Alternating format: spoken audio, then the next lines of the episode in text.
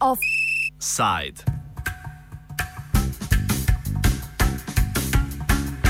Politično-gušterska Cerareva vlada.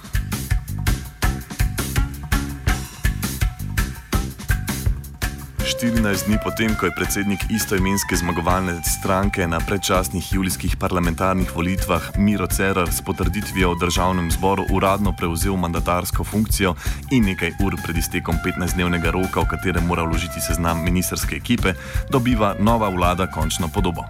Mandatar Cerar, predsednik socialnih demokratov Dejan Židan in predsednik Desusa Karel Rjavec so z včerajšnjim podpisom koalicijske pogodbe uradno zaključili z vsebinskim usklajevanjem dela dela v prihodnje. 12. po osamosvojitvene vlade, še pred današnjo uradno vložitvijo seznama ministerskih kandidatov, pa so bolj ali manj znani tudi njegovi izvajalci.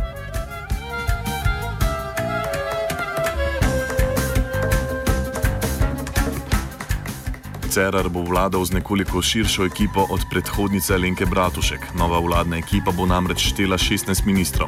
Koalicijski partnerici in izkušeni vladarki SD in Desus sta s predlaganimi ministri iz svoje kvote v javnosti barantali že nekaj časa. Desus za kulturno ministrico predlaga Juliano Bizjak Mlakar, za okolje in prostor Irino Majcen, za zunanje zadeve samega predsednika stranke Karla Rjavca in za slovence po svetu Gorazda Žmavca.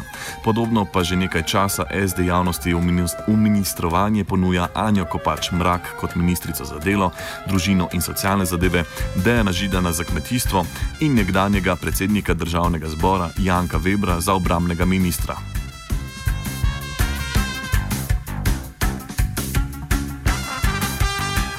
Stranki Mira Cerarja je, z izjemo bodočega finančnega ministra Dušana Mramorja, nabor preostalih osmih ministerskih kandidatov, ki sodijo v strankarsko kvoto, uspelo skrivati do zadnjega. Potem, ko so končno znana tudi ministerska imena SMC-ja, je jasno, da se je ta držala predvoljivne floskule o svežih imenih in predlagala politično neizkušene in širši javnosti nepoznane kandidate ali, kot sami pravijo, nekomprimitirane ljudi in velike strokovnjake na svojem področju. Urednik sobotne priloge častnika Delo Ali Žerdin ob razodetem seznamu ministerskih kandidatov svari na dvoreznost političnih novincev. Pod črto sem um, zadovoljen, da um, ministrstvo za finance prevzema Dušan Mramor, pač za katerega lahko rečem, da je izveden, uh, po eni strani ve, kaj dela, po drugi strani pa ni, ne sodi v, v kakšno skupino brutalnih neoliberalcev. Mislim, da je uh, pozitivno, da je predsedniku vlade CRR uspel prepričati Gorana Klemenčiča, da prevzame resor za pravosodje. Mm, znaten del ekipe se pa ne znanke. Sedaj pa ta prava izjava od Ali Žrdina, namenjena etru. To to je simpatično geslo, ki v sebi vsebuje elemente negotovosti. Negotovosti zaradi tega, ker uh, dejansko ne vemo, uh, kaj, se, kaj se v tej bombonjeri skriva. Žerdin ob tem izraža zadovoljstvo s predlaganjem Dušana Mramorja, kot tudi nekdanjega predsednika Komisije za preprečevanje korupcije Gorana Klemenčiča, ki ga Cerar vidi kot bodočega ministra za pravosodje. Pod črto sem um, zadovoljen, da um, ministrstvo za finance prevzema Dušan Mramor, pač za katerega lahko rečem, da je izveden. Uh, ki uh, po eni strani ve, kaj dela, po drugi strani pa ni, ne sodi v, v kakšno skupino brutalnih neoliberalcev.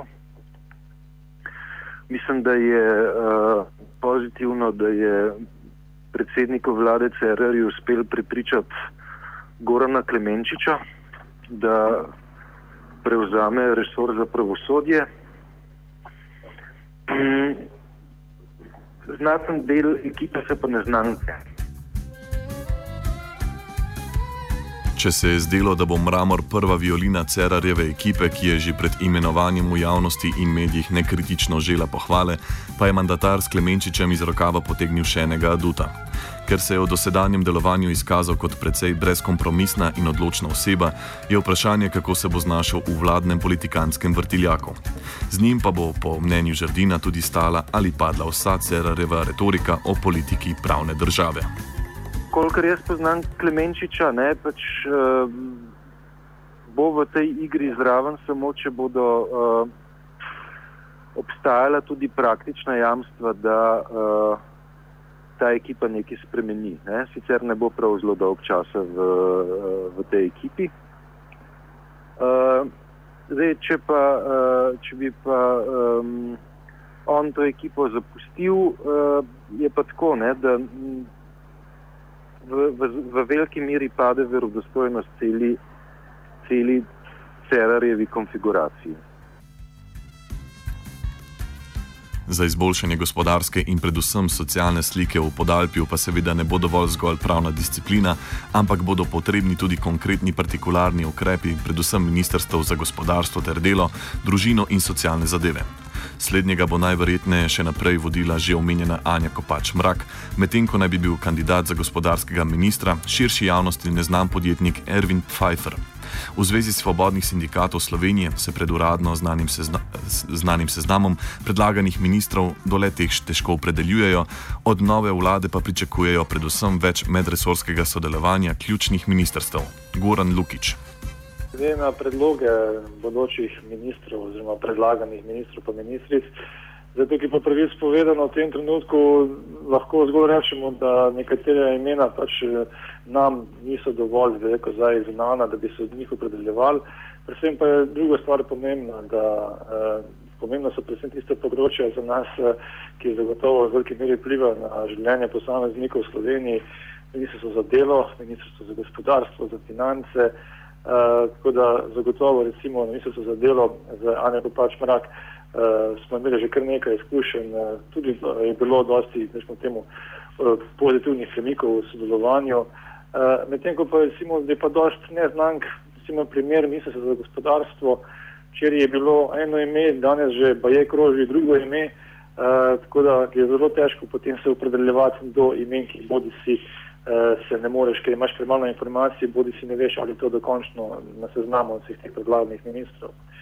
Uh, ampak, če potegnemo črto, izjemno pomembno bo torej medresorsko sodelovanje.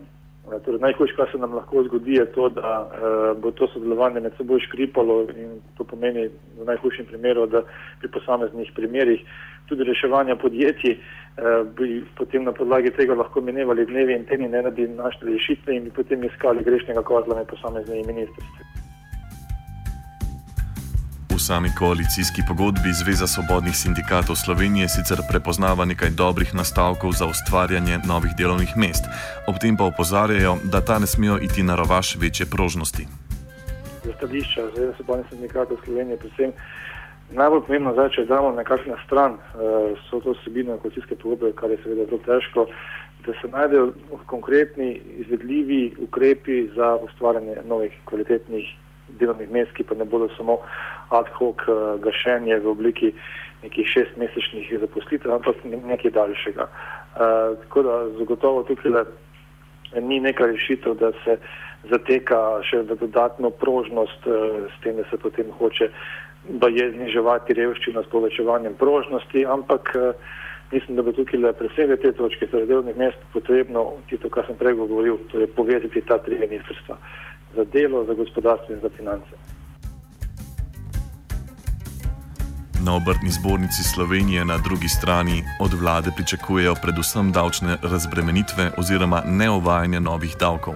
Politična neizkušenost predlaganega gospodarskega ministra Ervina Pfeifferja jih ob tem ne moti. Po mnenju predsednika zbornice Branko Meha utegne biti celo prednost. Glede na to, da je ministr za gospodarstvo res prava neznamka, tudi jaz osebno nisem nikoli slišal za njega, jaz eh, računam, da pa je mandatar, gospod Terar, izbral človeka, ker verjetno pozna njegove reference in računamo, mogoče je ravno ta naznanka tista, kar potrebuje slovensko gospodarstvo, da bo naredil nekaj več za gospodarstvo v Sloveniji, kar so njegovi predhodniki. Zdravstveni resor bo, če bo prestala zaslišanje pred pristojnim parlamentarnim odborom in glasovanje v državnem zboru, vodila Marija Milojka Kolar-Celarc, ki je v preteklosti delovala kot sekretarka na Ministrstvu za finance, kasneje pa predsednica uprave zavarovalnice Vzajemna. Je čas, da zdravstveno politiko ob vse večjih finančnih težavah javnega zdravstva prevzame menedžer, predsednik zdravniške zbornice Slovenije Andrej Možina. Moje osebno mnenje je, da če pogledamo nazaj, bolj ali manj eh, skozi daljše obdobje eh, so zdravstveni resor vodili zdravniki in kaj posebej niso bili uspešni, tudi obupali so in odstopali. Jaz mislim, da moje osebno mnenje je, da prihaja čas in da je morda bolje, da to mesto zaseda ne zdravnik, nekdo, ne, ki ima druga znanja, ekonomska, menedžerska. Koalicijska pogodba sicer predvideva korenite spremembe tudi na področju zdravstva. Eden prvih in glavnih predvidenih ukrepov pa je odprava dopolnilnega zdravstvenega zavarovanja. Zanimivo, da je prav Kolar Celarcereva, ko je delovala na finančnem ministrstvu, takšnim ukrepom nasprotovala. Do ukinitve dopolnilnega zdravstvenega zavarovanja so skeptični tudi v zdravniški zbornici. Zavedati se moramo, da eh, dopolnilno zdravstveno zavarovanje eh, prispeva v zdravstveno blagajno. 450 milijonov in nepremišljena pot na tem eh, področju lahko ogrozi eh, to številko. Če ministrica za zdravje meni, da je mogoče slovensko zdravstvo zdrževati na obstoječi kvalitetni ravni brez novih virov denarja, potem je v hudi zmoti. Eh, zato bi moralo biti eh, sistem konkurenčnih zavarovanj prioriteta, preko njih eh, pripeljati v slovenski zdravstveni sistem mnogo torej, dodatne vire denarja, seveda pa hkrati vsi stavimo na to, da se odločno postavimo proti eh, korupciji in otekanju zdravstvenega denarja v zašebne žepe, eh, vendar to govorimo že deset let, rezultatov ni nikakršnih. Stranka Mira Cerarja je neuradno predlagala še Vesno Gjorkaš Žnidar kot notranjo ministrico, Borisa Komprivnikarja za ministra za javno upravo, Petra Gašperiča za infrastrukturo, stranko, pardon, Stanko Setnikar Cankar za šolstvo in Violeto Bulc za ministrico za strateške projekte in kohezijo. Ali Žrdin ob tem odpravlja strah pred veliko bojaznijo pred neizkušenimi ministri. Bolj kot imena je pomembna vsebinska politika, ki jo bo vodila nova vlada garancija, uh, ki, uh, ki bi uh, imela neko težo, je povezana predvsem z uh, spremembo inštitu institucionalnega okvira. Uh, spremembo institucionalnega okvira je pa možno narediti z nekaj novimi zakoni. Mm, in uh, pač to bomo v naslednjih tednih videli, ali ta nova koalicija uh, ima pripravljenost, da se tega loti ali ne. Imena sama so potrošna roba, je vsem, kdo je. Ne? Če pa ne, je ta ekipa pripravljena spremeniti institucionalni okvir, če je pripravljena spremeniti, kaj se vem, ne, zakonodaja v javnih naročilih, če je pripravljena um, uvesti Eh, pregledne mehanizme kadrovanja v državno upravo in uh, podjetja v državni lasti, bi to pomenilo določene spremembe. Če ne bo presenečen v zadnjem trenutku, tik ob zaključku priprave današnjega offsajda namreč prihajajo informacije o tem, da naj Erwin Pfeiffer ne bi bil več ministerski kandidat, bo prihodnja vlada izrazito heterogena. Na eni strani bodo sedeli ministri s krepko politično kariero, ki prihajajo predvsem iz ministerskih kvot Desusa in SD-ja, na drugi strani pa politično nepopisana imena, ki jih kot strokovnjake rešitelje slika stranka Mira Cerarja. Za ceno Alija Žrdina, kakšen mandat se obeta 12. slovenski po osamosvojitveni vladi, zaključujemo današnji offside.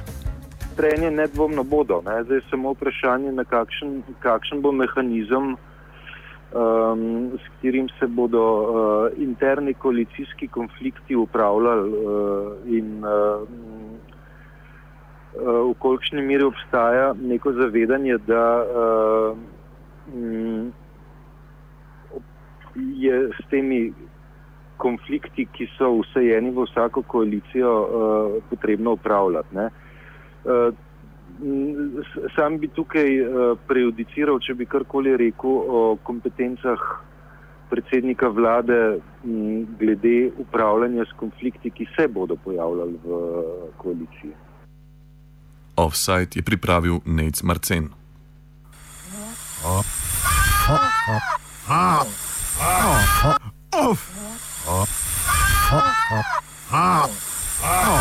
Offside.